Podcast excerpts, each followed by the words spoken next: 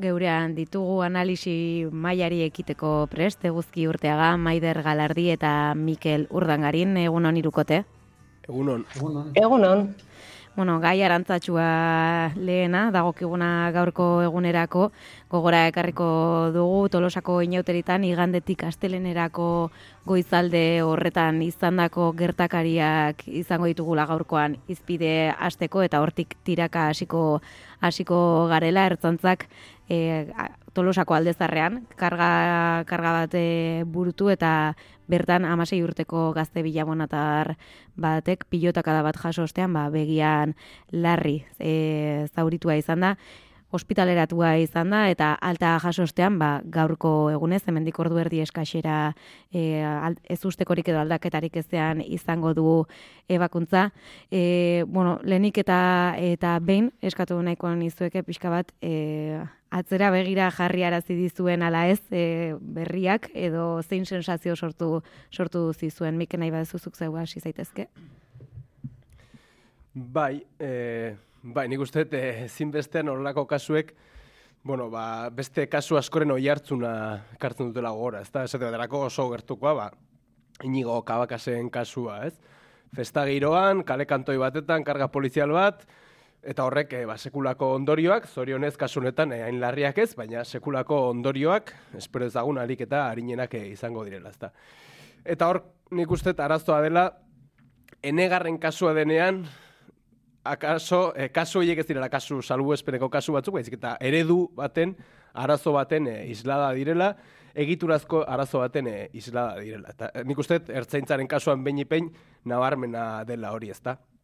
Justu gaurko analisi maila hau prestatzeko, herria aldizkariak egindako dosierra berrirakurtzen aritu naiz, eta usteetan, bueno, klabe pila bat ematen dituztela, eta erabiltzen dituzte bi metafora, hain ere, polizia eredu ezberdinak eh, deskribatzeko. Bere diote alde batetik dagoela postariaren eredua. Hau da, prebentzioan oinarritzen dena, hau da, posteria bezala aldez aurretik abisua eh, larazten dizuna, testo ingurua aintzat hartzen duena, segurtasunaren ikuspegi sozial bat duena eta ardatz ezberdinak aintzat hartzen dituena, eta beste aldean horrei kontrajarrita dagoela, hain ere, suhiltzailearen polizia eredua punitibista dena, alik eta polizia gehien eta alik eta hobekien eh, armatuta egoteko apustu egiten duena, eta beraien nolabait modus operandia da, arazo bat identifikatu, kasunetan iztiluak, sua itzali, beharrezkoak diren e, baliabideak erabiliz, eta kasunetan paradosikoki suzko armak e, baliatuz, eta ondoren ospa, nolabait ondori erreparatu gabe, ezta? Eta kasu honetan ere ikusten dugu ala izan dela, hau da, er, ertzaintzak zu hiltzailearen, edo beto esan da, zu piztailearen papera jokatu du, zua identifikatu duen horretan, zuzko armekin eh, aritu da, ondorioi erreparatu gabe, eta okarragoa dena, ondorioien ardura eta erantzun bere gain hartu gabe. Eta usteet, ondorenko egunak ere gertakaria bezain larriak direla, ezta? Ikusten dugu lobby sindikalak era korporatista batean nola gotortu diren, eta agintari politikoek ere ez dutela izan, e, nolabait horri aurre egiteko e, ganorarik eta ausardiarik.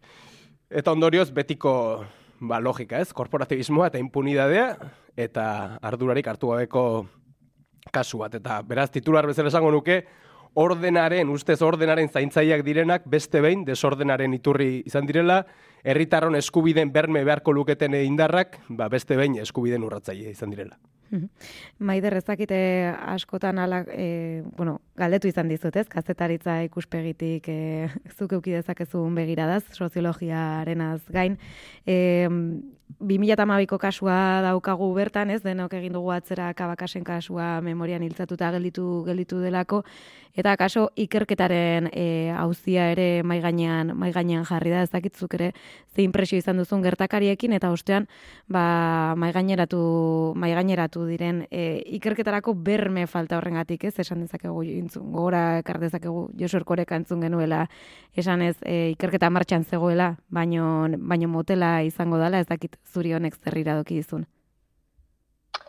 Bai, ba, lehenbizi esateko egia dela mediatikoki kasu batzuk hartzen dutela oi hartzun handiago, ba, daukaten e, larritasunagatik, e, izan daiteke ezakite, e, eduki ezakegun gertutasunagatik, e, gaiak mm, edo kasu honetan biktima nola baite espazio ez politizatu batean dagoelako, eta barrezta, eta e, iristen da, ba, jende gehiagoren gana.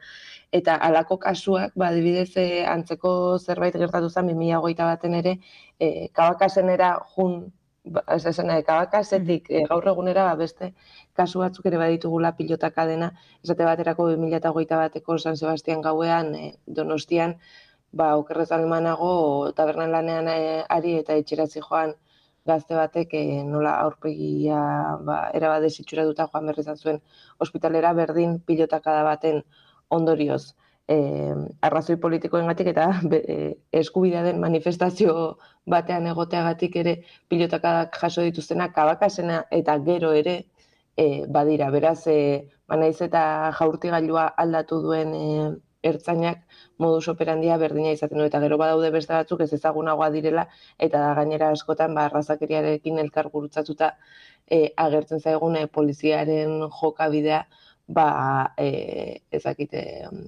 jatorri desberdineko jendearekin dituen e, praktiketan esate baterako eta horretarako donostiako tabakaleratik pasatzea besterik ez dago.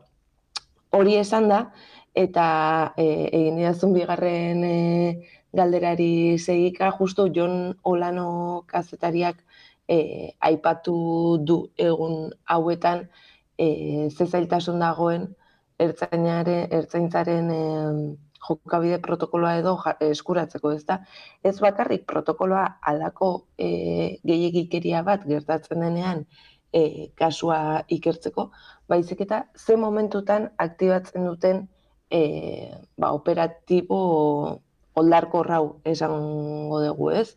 E, itxura guztien arabera, ba, horrek ondo ateratzeko bermeak ez zituen, ez da? Jai giro batean, e, taberna batean dagoen lizkar bat e, eteteko asmoz edo e, kale estu batean, jendez lepo dagoen e, toki batean, ba, bueno, ezakite segurtasun protokoloak ongi betetzen dituen eta jakina e, foama ez doa bakarrik egan persona baten begietara eta badakigu jaurti gailu horiek e, zema metrotara diren e, zaurgarriak, e, e, zauria eragin dezaketenak, e, zenbat ze, gorputzaren zea taletan ezin duten e, jaurti eta eta eta horrere ba ikus daiteke araua uste bat. Beraz, e, ba, bueno, ba, ikerketarako ere edo kazetaritza egiteko ere berme gutxi olakoetan. E, eguzki, eskatuko dizut balorazio azkar bat, ikerketen berme falta horretan sakondu aurretik, edo bintzat lehen, lehen komentario durbilketa hori? Bai, e, argi dagoena da, e, denak pentsatu dugula, kabakasi gertatu zitzaiona dula amabi urte momentu horretan, e, ba, izorrizko oihartzuna izan zuen kasuak, eriotza eragin e, baitzuen, gero epaiketa izan zen, epaiketa horrek ez zuen e, ondori penala ondirik izan, baina e, alata guztiz ere e, balio izan zuen e, ertzantzaren e, protokoloak zehazteko, ez?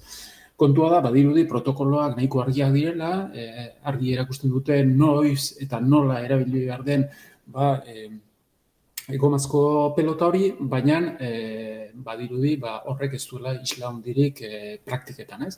Eta gero, e, atzo ego irizelaiak, e, kabakasen abogatuak, eman zuen elkarrezeta batean, agerian uzten zuen oso importantea zela azken binean ikerketa e, zintzuela ertzantzak berak egin zen. Azken binean, e, e, juile eta parte e, delako, eta horrek ez duelako inungo berme juridikorik eskaintzen, ba ikerketa behar bezala egingo dela, eta ardura guztiak e, depuratuko direla, ez.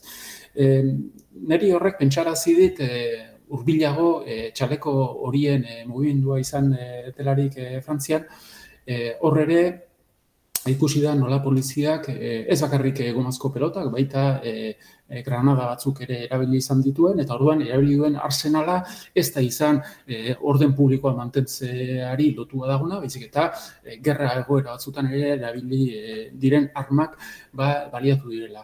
Eta horrekin batera ikusi da, frantziari dagokionez, orden publikoaren doktrina ere aldatu dela. E, Frantzian, e, orden publikoaren doktrina finkatu zen mila da irurita zortziko ikasle mogindua izan zelarik, e, maiatza eta ekainean mobilizazio oso jendetsuak e, izan ziren, eta izugarrizko jartzuna izan zuten, eta hortik aurrera nagusitu zen e, orden publikoko doktrina izan zen, altzen neurrian e, konfrontazio zuzenak ebitatzearena, eta arma e, pixuak e, saiestearena, ebitatzeko, baz, zauriak eta e, eriotzak izan zitezen. Eta ikusi dena da, azken urteetan, Frantziaren kasua mila eta az geroztik, e, doktrina publiko hori, e, orden publikoaren doktrina hori aldatu indela, eta hor konfrontazio zuzenera doaz. Eta geroz eta bortitzagoak dira konfrontazio horiek, eta geroz eta arma e, e, ba, e, pisuzkoagoak eta arriskutsuagoak erabiltzen dituzte, eta horren ondorio oso argia da. E, e, eriotz kopuru onditu da, eta zauritu kopuru onditu da, eta zaurien grabetasuna ere onditu dinta.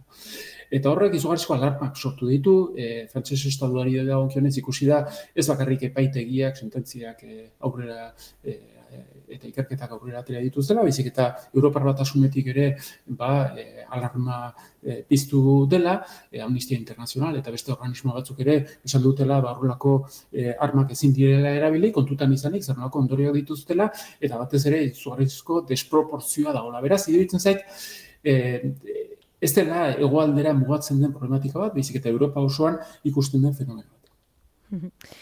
Bai, justu e, jarduteko moduak eta protokoloak ere badira e, beste, beste ez, ari bat, hemendik e, tiratu daitekena, beste e, albistetako bat edo titularretako bat ere izan daiteke, jaurlaritzanen aurre kontua egun dago ditu emezortzia onditu zela lagurtetan munizioari dagokio, dagokionez, e, berriak ekarri zuen e, albiste, albiste hau Otsaiaren amala hauean, e, pasaren astean beraz, hogeita lau mila laurunda gehi kartutxo erosi ziren bi mila eta hogeian, bederatzi mila euro, eurotan. Ez dakit honek ere e, askotan datu utxa, utxa den edo zer esana ematen duen, ez? E, eta igual Mikel Zuk egiten zen un lotura horrekin e, suhiltzaile edo e, postariaren ereduaz, nolako interbentzioak eta egin barko genituzken eta maialenek, ba, barkatu, maiderrek aipatzen zuen aritik ere, segurtasunaren ze kontzepzio dugun. Bai, guztiz ados. E, nik uste e, bueno, guain e, guzti zuke aipatzen zenuen bezala, ez dela zoritxarrez ego euskal herriko hauzi isolatu bat ere, e, naiz eta honek barituen bere berezitasunak, uste dut, bueno, nazioartean e, testu inguru jakin bat dagola, zeinetan, bueno, internazionale reakzionarioa deitu izan zein hori, e, bueno, auspo hartuta dagoen, eta bueno, tartean polizia indarretan sekulako indarra erakusten ari den, eta polizia indarrak baliatzen ari den, e, bueno, beraien agenda markatzeko, eta, bueno, Frantziako estatuan eren bueltan jarretako adibidea oso esanguratxo irudin zait, ezta?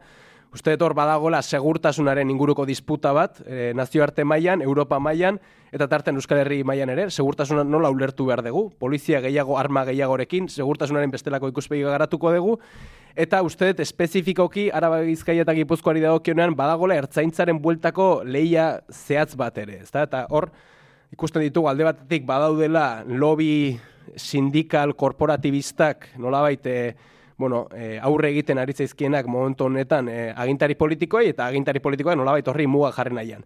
Hor arazoa zer da, Euskal Herritarrok, asuntan araba bizkaia eta gipuzkoako Euskal Herritarrok, ez tegula ez informaziorik, ez... E, ez eta ertzaintzaren norabidearen inguruan ba, erabakitzeko e, gaitasunik, ezta. Baina hain zuzen ere usteet, e, hauzi garrantzitsua gia dela hau, e, hain zuzen ere alako lobby korporatibisten esku guzteko, eta ezinbesten heldu egin behar diogula polizia ereduaren hauziari herritarrok e, geuk ere, ez.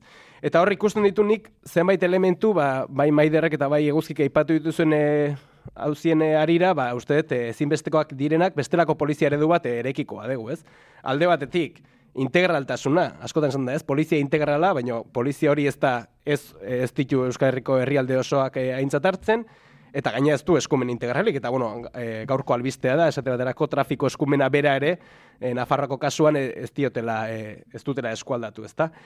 ez da gertukoa, eta hor daude hizkuntzaren hauzia esate baterako, ze hizkuntza eskakizune egiten dira, gaur egun non daude e, nolabait e, erabakigune ezberdinak eta ikusten dugu pixkanaka pixkanaka hori edanak zentralizatzen joan direla, udalez ituzten eskumen ezberdinak adibidez udaltzaingoari dagokionak ere pixkanaka pixkanaka e, ebasten joan direla eta zentralizatzen, e, gardentasun falta aipatzen zuen maiderek eta guztiz bat nator.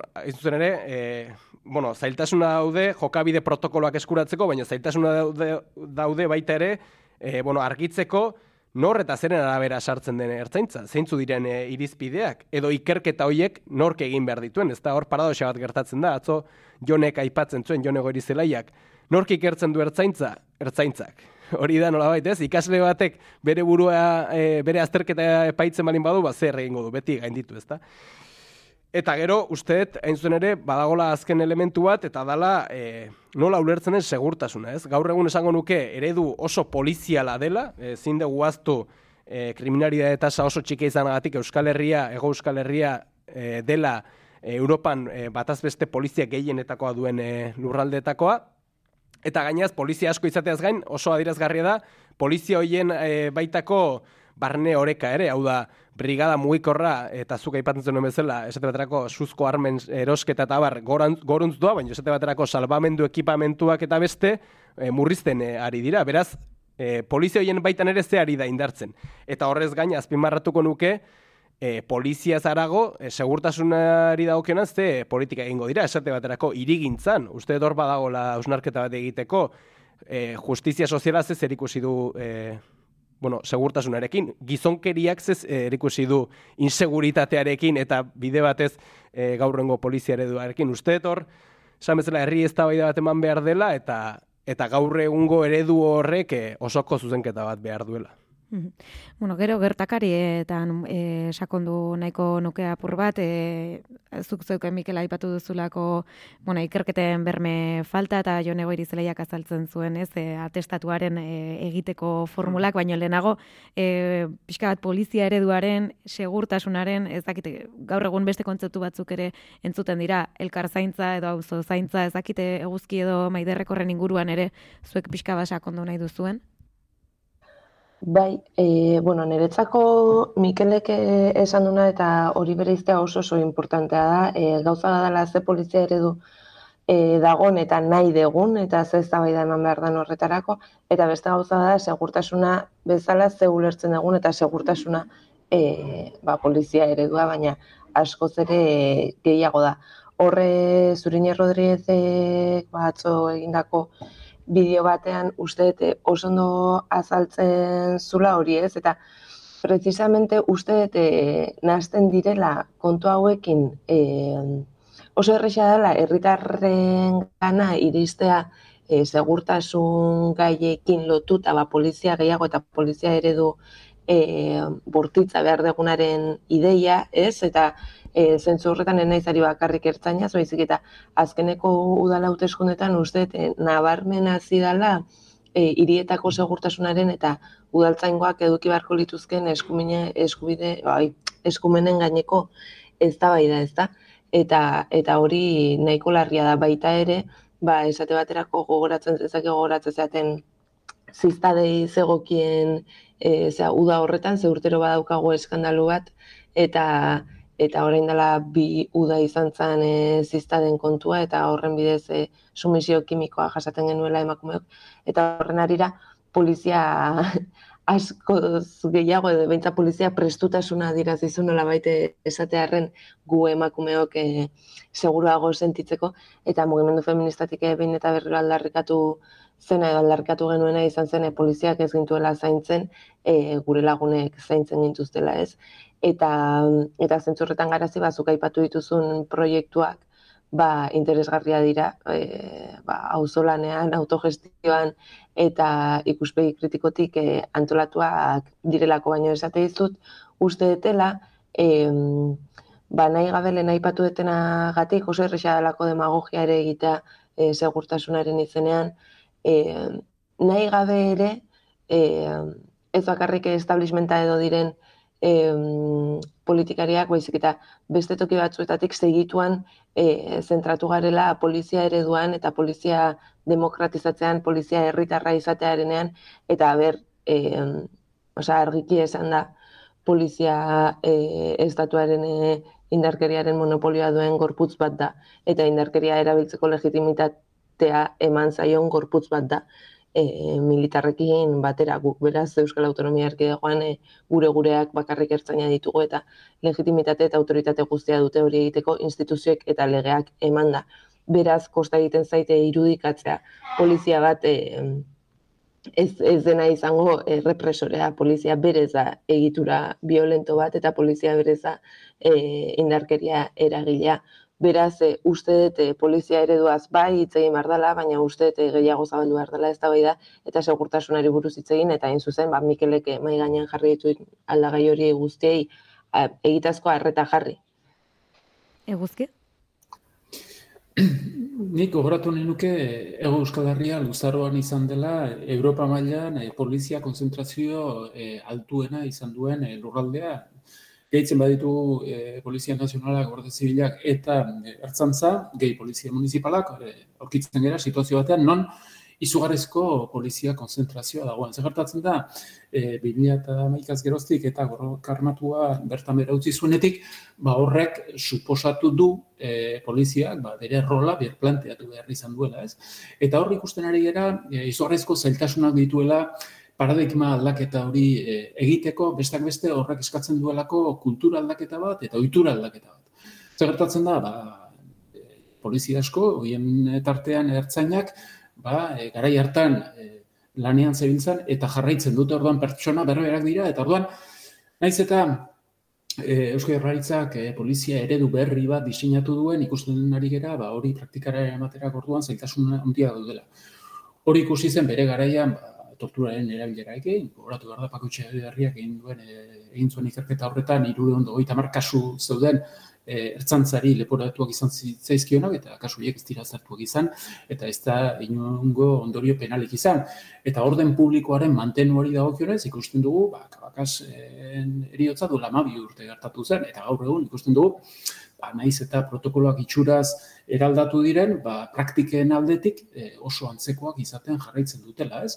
Eta ez dute aipatu nahi ere, bartzantzaren sektore batzuek e, nahiko e, jarrera oldarkorra dutela e, ez bakarrik eusko, eusko jorraritzarekiko, baizik eta ikusten dugu sektore batzuek nahiko posizionamentu konservadore eta gogorrak ere mantentzen dituztela, eta horrek eusko jorraritzaren baitan eta euskal gizartean ere kezka puntu bat ere sortzen du, ez?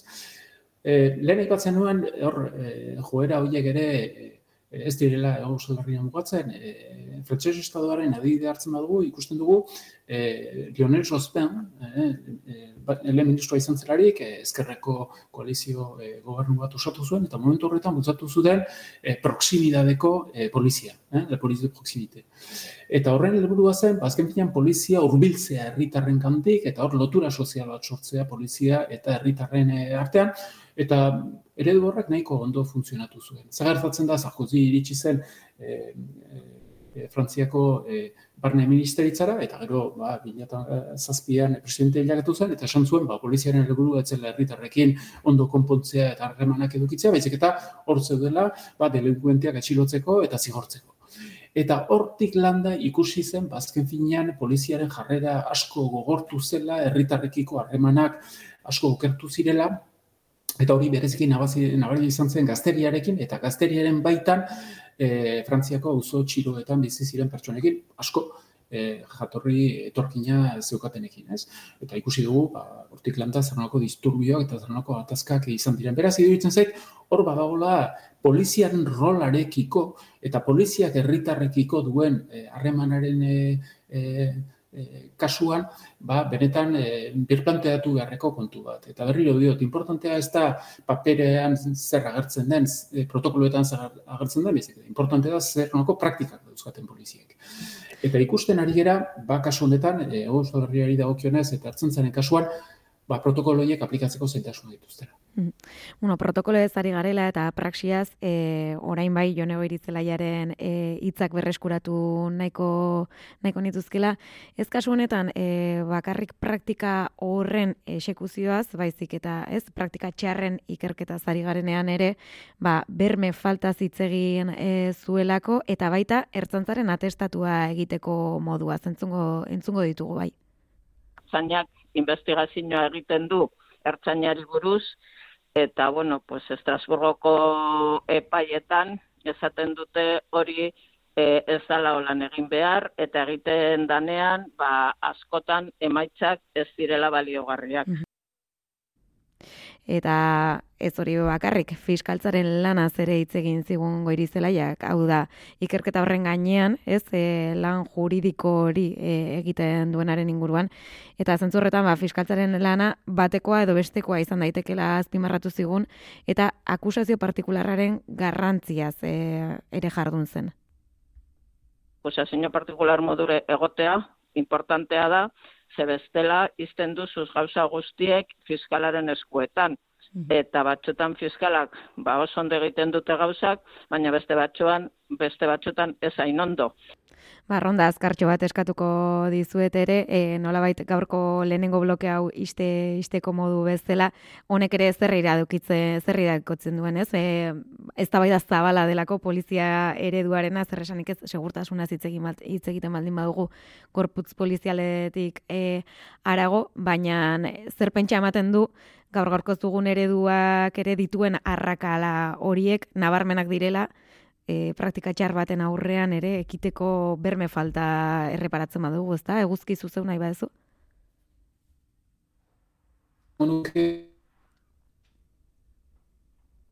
Bai, eguzki? Bueno, nahi baduzu maider bestela, uste dugu eguzkirekin bai. araztetxo bat dugula. Bai, a ber, e, nik eh, aipatu detenean e, polizia berezala e, bortitza edo poliziaren e, funtzioak zein dian oso ondo argitu beharko litzatekeela, bestela e, naiz eta beste erabateko polizia bat eduki erreproduzitzen egon litzatekeelako botere harreman hori eta errepresio hori, horrek ez du esan nahi, e, oraingoa eta beste bat berdin direnik, ez? E, oraingo ereduak ba, utxune asko ditu, eta utxune nagusi horietakoa da, kasu honetan gaur behin eta berriro ateratzen ari den, e, ze berme daude, polizia gaizki jokatuz gero, e, horiek e, ondo aztertu eta horiei e, neurria jartzeko, ez daude, eta gainera, eta badakigu, ez bakarrikan po, e, pilotakaden kasuan, baizik eta bestelako polizia gehiegikerien e, kasuan, Euskal Herrian badaukagula e, historia bat e, luzea zertifikatzen duena, ba, poliziaren jokabide txarrak oso oso oso oso gutxitan ailegatzen direla epaitegietara eta iristen direnean ere baia beti e, akusatutako polizia horiek absolbituta ateratzen direla. Esan dute, bizirera kontestu batean, nun polizia epaitegira eramatea jada garaipentzat e, hartu degunez, e, obligatuta ikusi dutelako beren burua e, ba, defendatzera. Beraz, e, hori da tokia eta bai e, fiskalen bat e, jatorra egongo da, baina fiskalak ez du jatorra izan behar, fiskala bere lan egin behar du. Eta kasu, kasu hauetan ba ikusi da ez dela horrela izan, beraz ez da bakarri poliziari dagokiona, baizik eta e, polizia eredua nahi baldin bada e, aztertuko duen eta gertuti segituko duten organo horiek ere e, ba, eraberritu behar dira. Mikel, titulartxo bat? Guztiz bat eta titular bat bi esalditan. E, nik uste e, horri lotuta, etorri zait gogora, kabaka zauzian esate baterako lehena epaiketa egintzana, gara egunkarearen kontrako izan zala, eta ez, beraz uste horrek adirazten duela lehen sandu bezala modus operandi bat, eta honek uste oso mezu arriskutsu bat zabaltzen duela polizia indarren artean ere, eta da, edo zer eginda ere, ez du ondoriorik. Eta uste, munstro hori elikatu dela urteetan, eta horren ondorioak ikusten ari garela gaur egun. Ba, segidan iritsiko dira bederatziak, saiatuko gara urrengo blokerako guzkirekin ere konexioa egoki berrez hartzen, bitartean iruroi gero arte.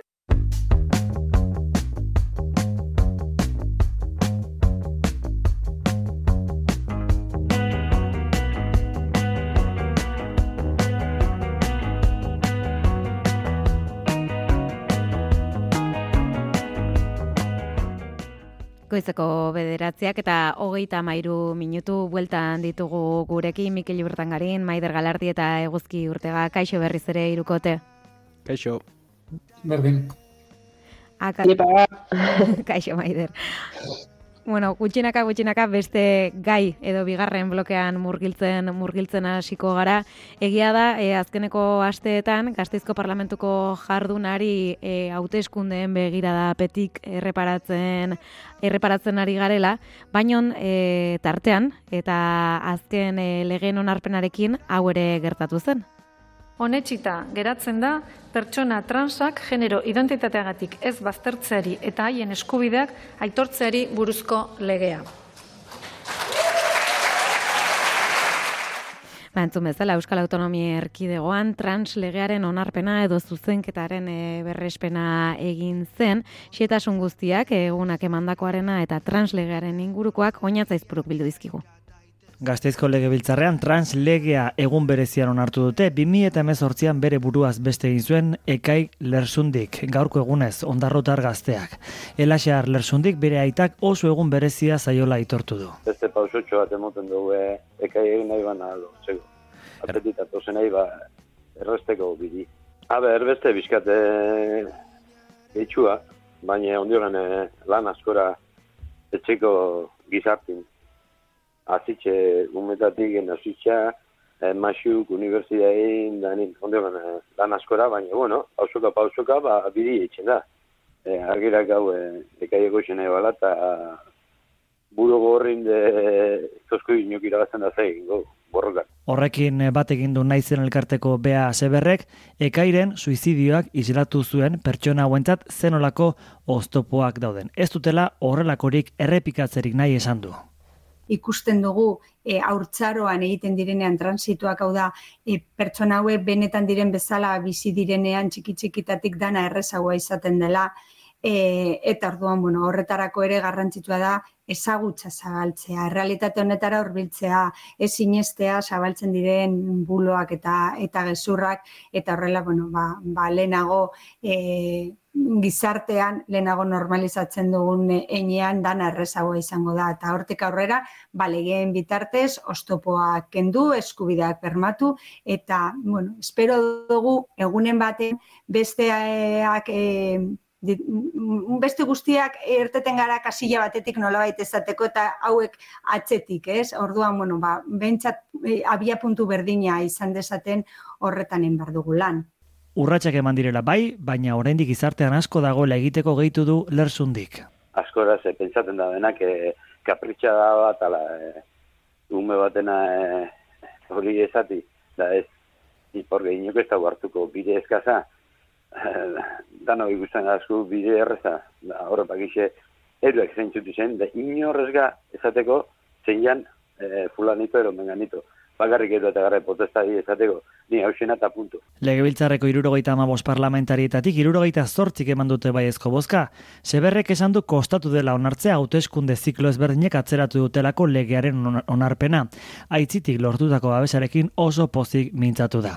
Azpimarratu du legearen bidez gaur egun egiten diren zenbait gauza jasotak eratuko direla esaterako hezkuntza protokolo berritua, dokumentazio transitorioa izena eta sexualdaketak dekretuz jasota zeuden baina ez lege bidez. Alaber, bere bizikotzat jodu ere, osasun harretan psikiatrizazio eta patologizaziotik atera eta lehen harretatik ematea erantzuna eta jarraipena. E, e, osasun harreta ba, psikolo, e, psikiatrizaziotik eta patologizaziotik urruntzea, eta bueno, urratz bat gehiago emonda e, lehen mailako zerbitzuetatik harreta egingo dalako, gainera gertukoa e, izatean egenuen, eta bueno, hiru herrialdetan izango da. Behintzat, lehen harreta eta e, bueno, ba, e, mantenimendua nola baita esateko, ez, jarraipena. Naiz eta gero, genero unitatea gurutzetako ospitalean egon, ba, zenbait gauza espezifiko edo zehatz egiteko, ez. Hori oso garrantzitsua. Eta bestalde, ba, formazio aurre ikusten duela mm, administrazio arloko langileentzat, baita osasun arlokoentzat eta eskuntza arlokoentzat. Azken finean, e, pentsazina da, baina e, eskuntza arloan ari diren profesionalek ez dute gai honen inguruan formaziorik jasotzen eta kasu bat agertzen zaienean askotan ba, galduta e, egoten dira. Ez? Garko egunarekin poziberaz naizen elkartetik, urrats gehiago emateko daudenaren jakitun ordea. Ba, bea seber, naizen elkarteko kidearen eta elaxalar lersundi, ekai ondarrutarraren aitaren hitzak dira hauek, urrats gehiagorako ateak zabaltzen dituela, e, aipatzen du, baina urrats gehiago eman, eman behar direla nabarmendu zuten bi ekemen naiz irratian, hala ere maider, e, lenik eta bain eta kaso baikorretik astearren, zer azpimarratu lege, lege berri honetatik?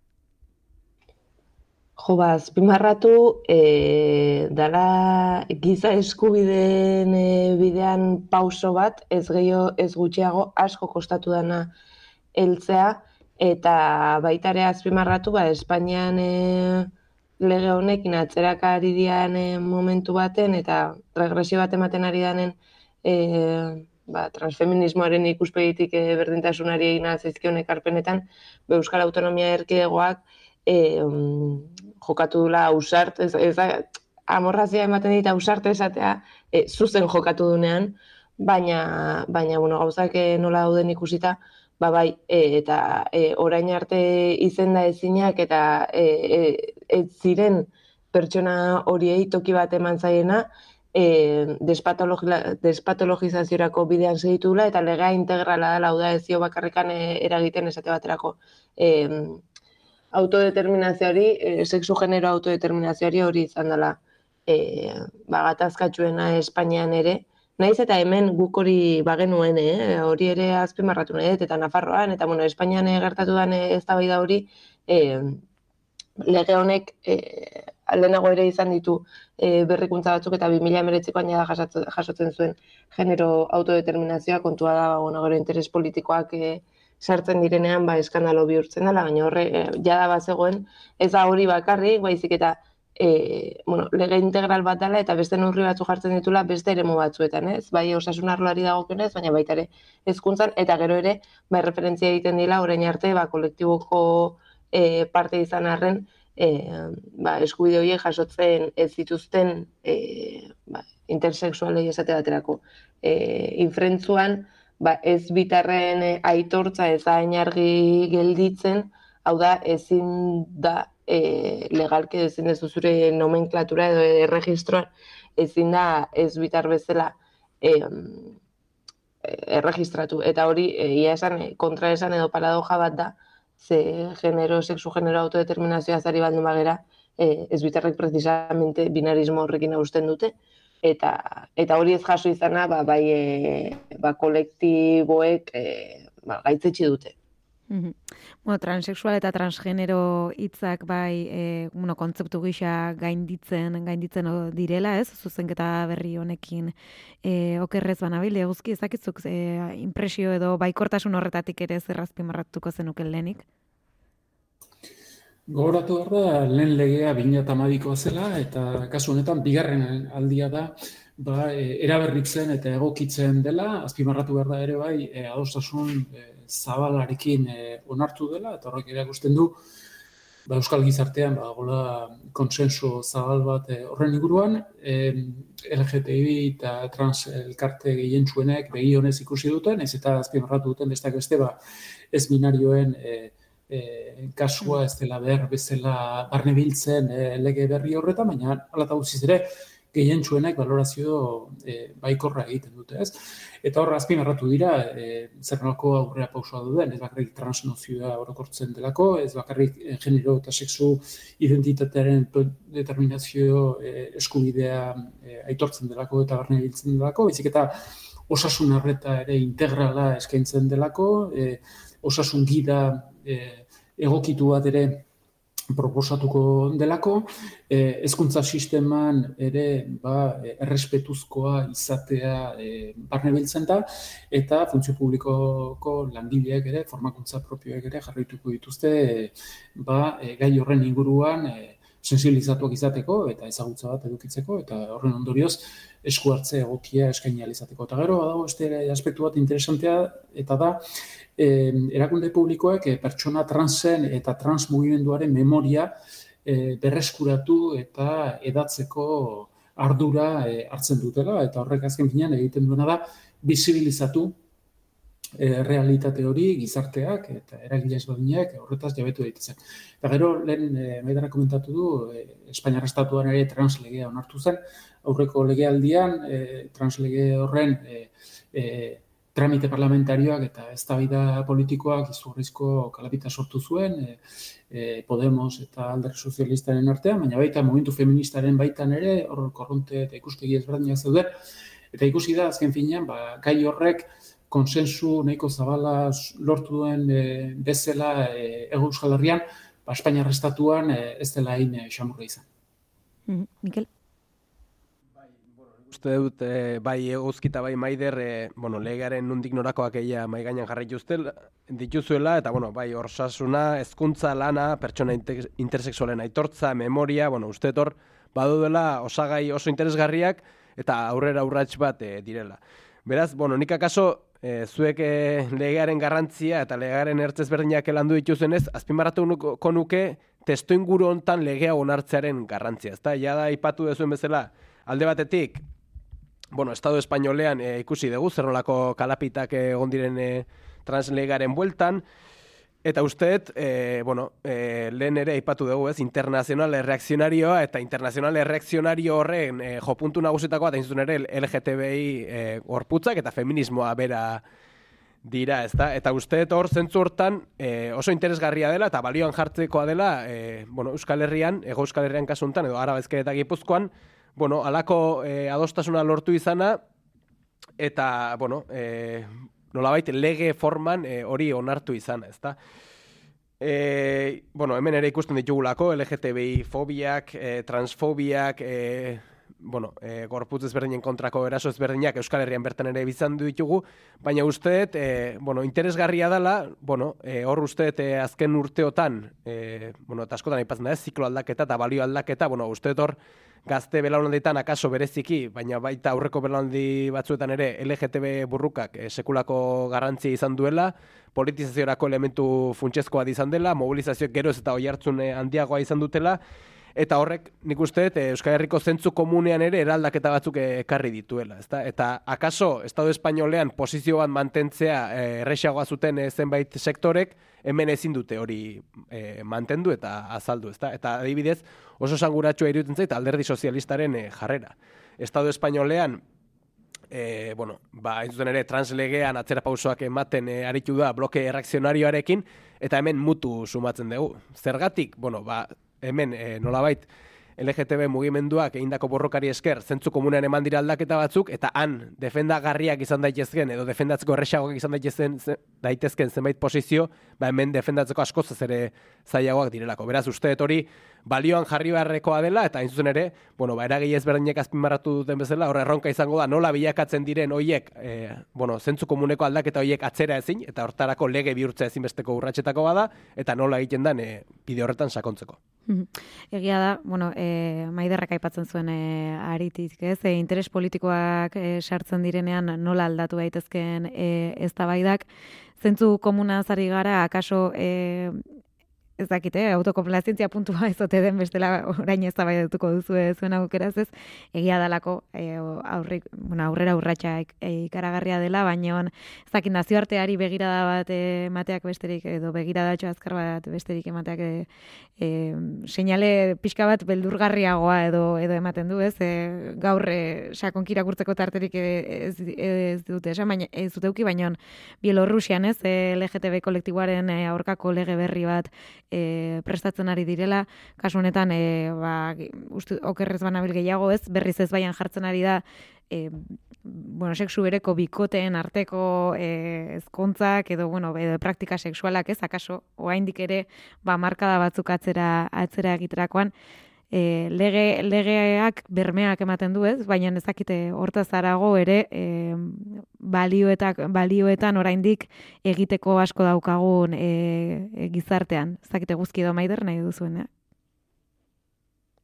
Bai, e, jakina dakagula asko egiteko bat, ez ere ikusi dalako e, konkistatutak, bueno, konkistatutako lortutako eskuideak e, atzera ezinak zirela pentsatzen genuelako eta ikusten ari geralako nola Argentinan bertan eh, nahi duten abortuaren e, e, legea atzera bota, nola e, toki batzuetan badirudien e, ba, Espainian bertan ezen ez gara urrutira jun behar, e, nola onartzen den e, sexu eta e, um, emat komunitate autonomikoetan e, nola onartzen den eta nola bere zala izan behar duen ezkuntza kurrikulumean eta atzera botatzen da e, PP eta Vox iristen direnean e, gobernura, nola Kastia eta Leongo e, komunitate autonomikoak orain dela gutxi ere bota zituen e, berdintasun legeari zegozkionak, nola Madrilen orain dela hilabete batzuk ere beraien e, translege propioa e, zehatu duten, e, eguneratu duten edo egokitu duten Espainiako markoa, baina asko zen murritzagoa dana,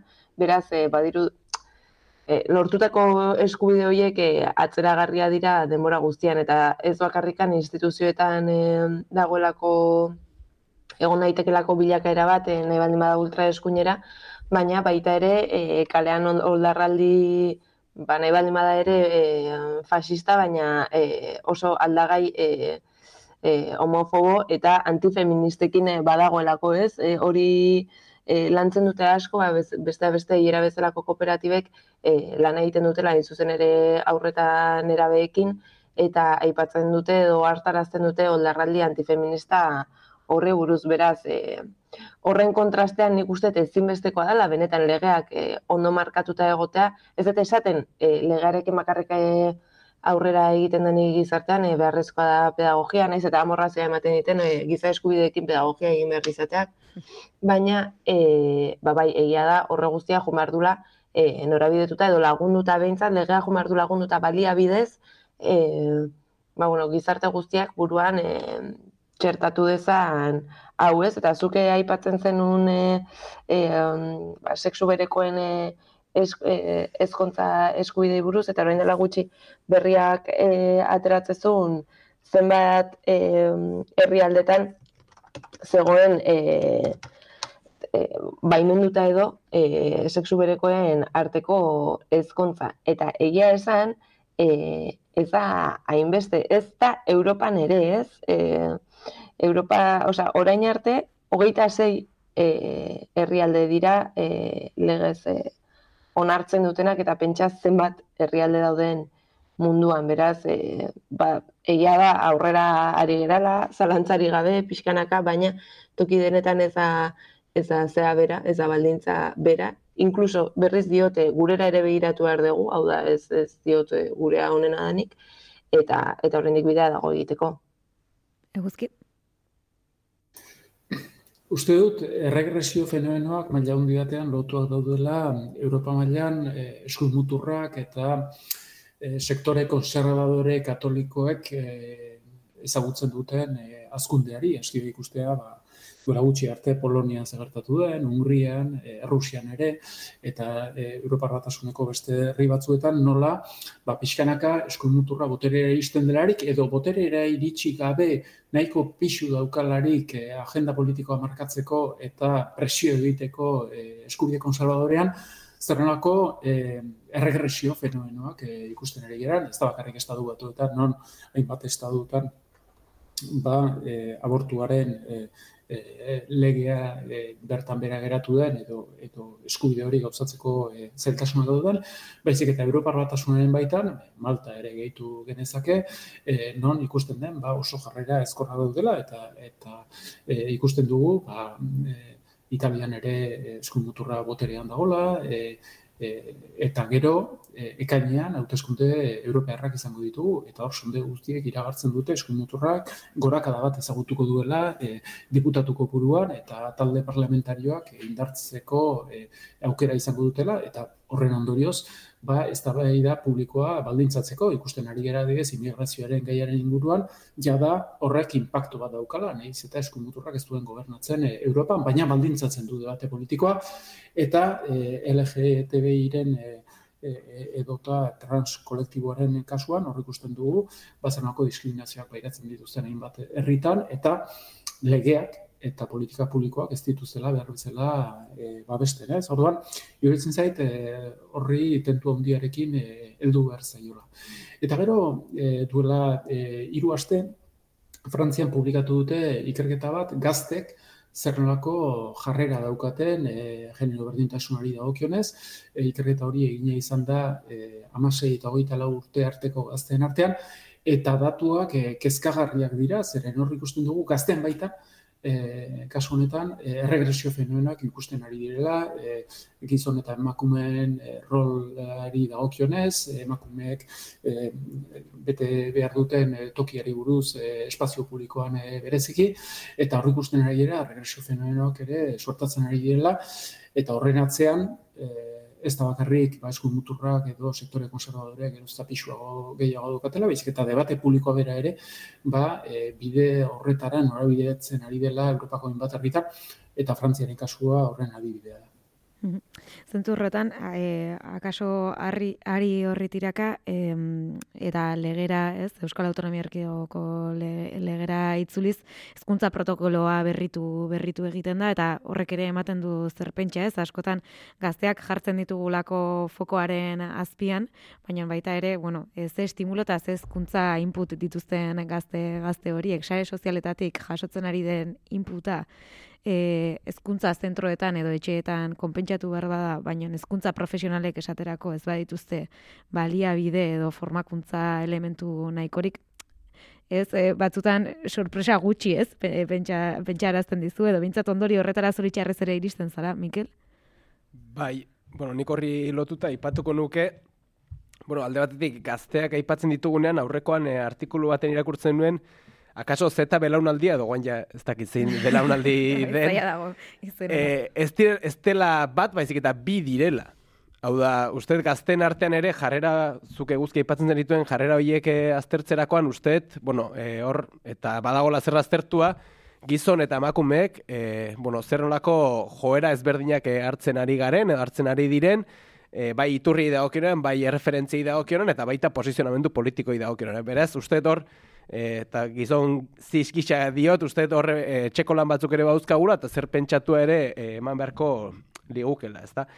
Eta horre lotuta, e, akaso, bueno, kontua asko eta dira, pare bat elementu azpimarratuko dituzke. Lehenik eta behin, e, LGTBI fobia, e, gazten arazoa soilik ez dut uste danik, nien esan duan bezala, uste e, gazte sektore askotan politizaziorako elementu oso garrantzitsua izan dela, eta hori egiturazko arazo bat da, hor baude genero mandatu oso zehatz batzuk, diotenak alde batetik dagoela arra, bestetik dagoela emea, arra argixe izendatutako gorputz hori izan behar duela gizona, eta gizona izango balin bada izan behar duela benetako gizona, hau da maskulinoa, eme gixe izendatutako gorputz hori izan behar duela emakumea, eta emakumea balin bada izan behar duela femeninoa noski, eta horiek nolabait osatuko direla gizona emakumearen gainean egonik eta nolabait desira familia heterosexualaren bitartez ba alkarre harremanduko direla. Ezta beraz, usted hor dagoela hain zuen ere genero mandatu zurn horietan dagoela arazoa Zoritxarrez azkeneko e, mendeetan patriarkatu modernuak nolabait ezarri dituen e, hetero arau delako horretan dagoela arazoa eta hor jarri behar degula e, fokoa, ezta? Eta hor, nik uste pare bat elementu interesgarri izan daitezkela. Alde batetik, e, sakontzera begira, LGTBI e, plus behatokiak e, aipatu izan du du Euskal, e, Euskal Herrian, kasontan arabeizke eta gipuzkoan, LGTBI lege baten, e, propio baten e, beharra, eta uste hori interesgarri izan daitekeela, hain ere, bueno, ba, aipatu ditugun, e, bueno, logika edo genero mandatu hoien baitan gorputz asko geratzen direlako e, bazterrean, eta hemen e, ba, jada eguzkik eta maiderak aipatu duzuen bezala, beste beste, korputez bitarrak ere eh, ez dira hartzen eta hor, badago e, zer sakondua, eta badago uste, legez e, arago, e, sozialki nolabait e, begira da sistema aragoi danak hankaz jartzeko e, premia bat, ezta? Eta hor, zentzu hortan, jarriko dut adibide oso zehatz bat, e, maskulinidadeak aipatu ditut lehen, Mikel Misek aipatzen duena, ezta? Berak dio, e, bueno, hain zuen ere, korputzak baino begiradak sistemak eta laua direla okerrak, eta horrek zan du, eta horrek, horiek eraldatuko balin badira, lege zaratako e, denok eman behar dugu aldaketa bat, ez? Eta horrek aipatzen du, e, maskulinitaten nauzia, esaten du. Gizon e, trans heterosexualek, e, askoz ere baldintza gehiago dituztela harreman sexual e, afektibo asegarrak izateko emakumezkoki. Aldiz, emakume trans heterosexualek askoz ere zailtasun handiago dituzte gizon heterosexualekin e, harreman e, sexual afektibo asegarriak izateko. Eta nolabait hori bizi, bueno, nolabait ezinbestekoak dira gure bizialdian. Zergatik esan du berak? Ba, zuzen ere, gizon, gure gizonkeria edo gizontasun hegemonikoaren baitan, baskoz ere prestutasun e, txikiagoa degulako, barreman sexual afektibo ez normatiboak e, garatzeko. Ez beraz, berak dio, e, adibide oso zehatz batera joan da, LGTBI edo kasuntan trans pertsonen gorputzak aitorgarri eta desiragarri bilakatuko balin badira, ezinbestekoa da bai legeak eh, eraldatzea, baina baita ere, besteak beste, maskulinidadeak ere eraldatzea. Beraz, uste denok interpelatzen gaituen auzi bat dela. E, Maider, kasu honetan, oraingoan titular batekin borobiltzeko ardura zurea. Ba, ezinbestekoa dela hauek e, giza eskubideak lege bihurtzea, trestea baldin bada ere, ezinbestekoa dela e, ba, es, eskaera hoiek guk e, jasotzea eta eskaera horiek e, e, egikaritzea eta ezinbestekoa dela hala ere e, lanean segitzea orain dauden e, diskriminazio mota pila bat egin e, egiten segitzeko. Eta horretarako ezinbestekoa dela interlokuzio e, LGTBI kolektiboaren interlokuzioa eta interlokuzio transfeminista eguzki datorrenean zurea izango da txanda, zindak izut, hitz, hitz denbora gehiago eskainiko dizut, baina amarrak iristear dira eskerrek asko irukote.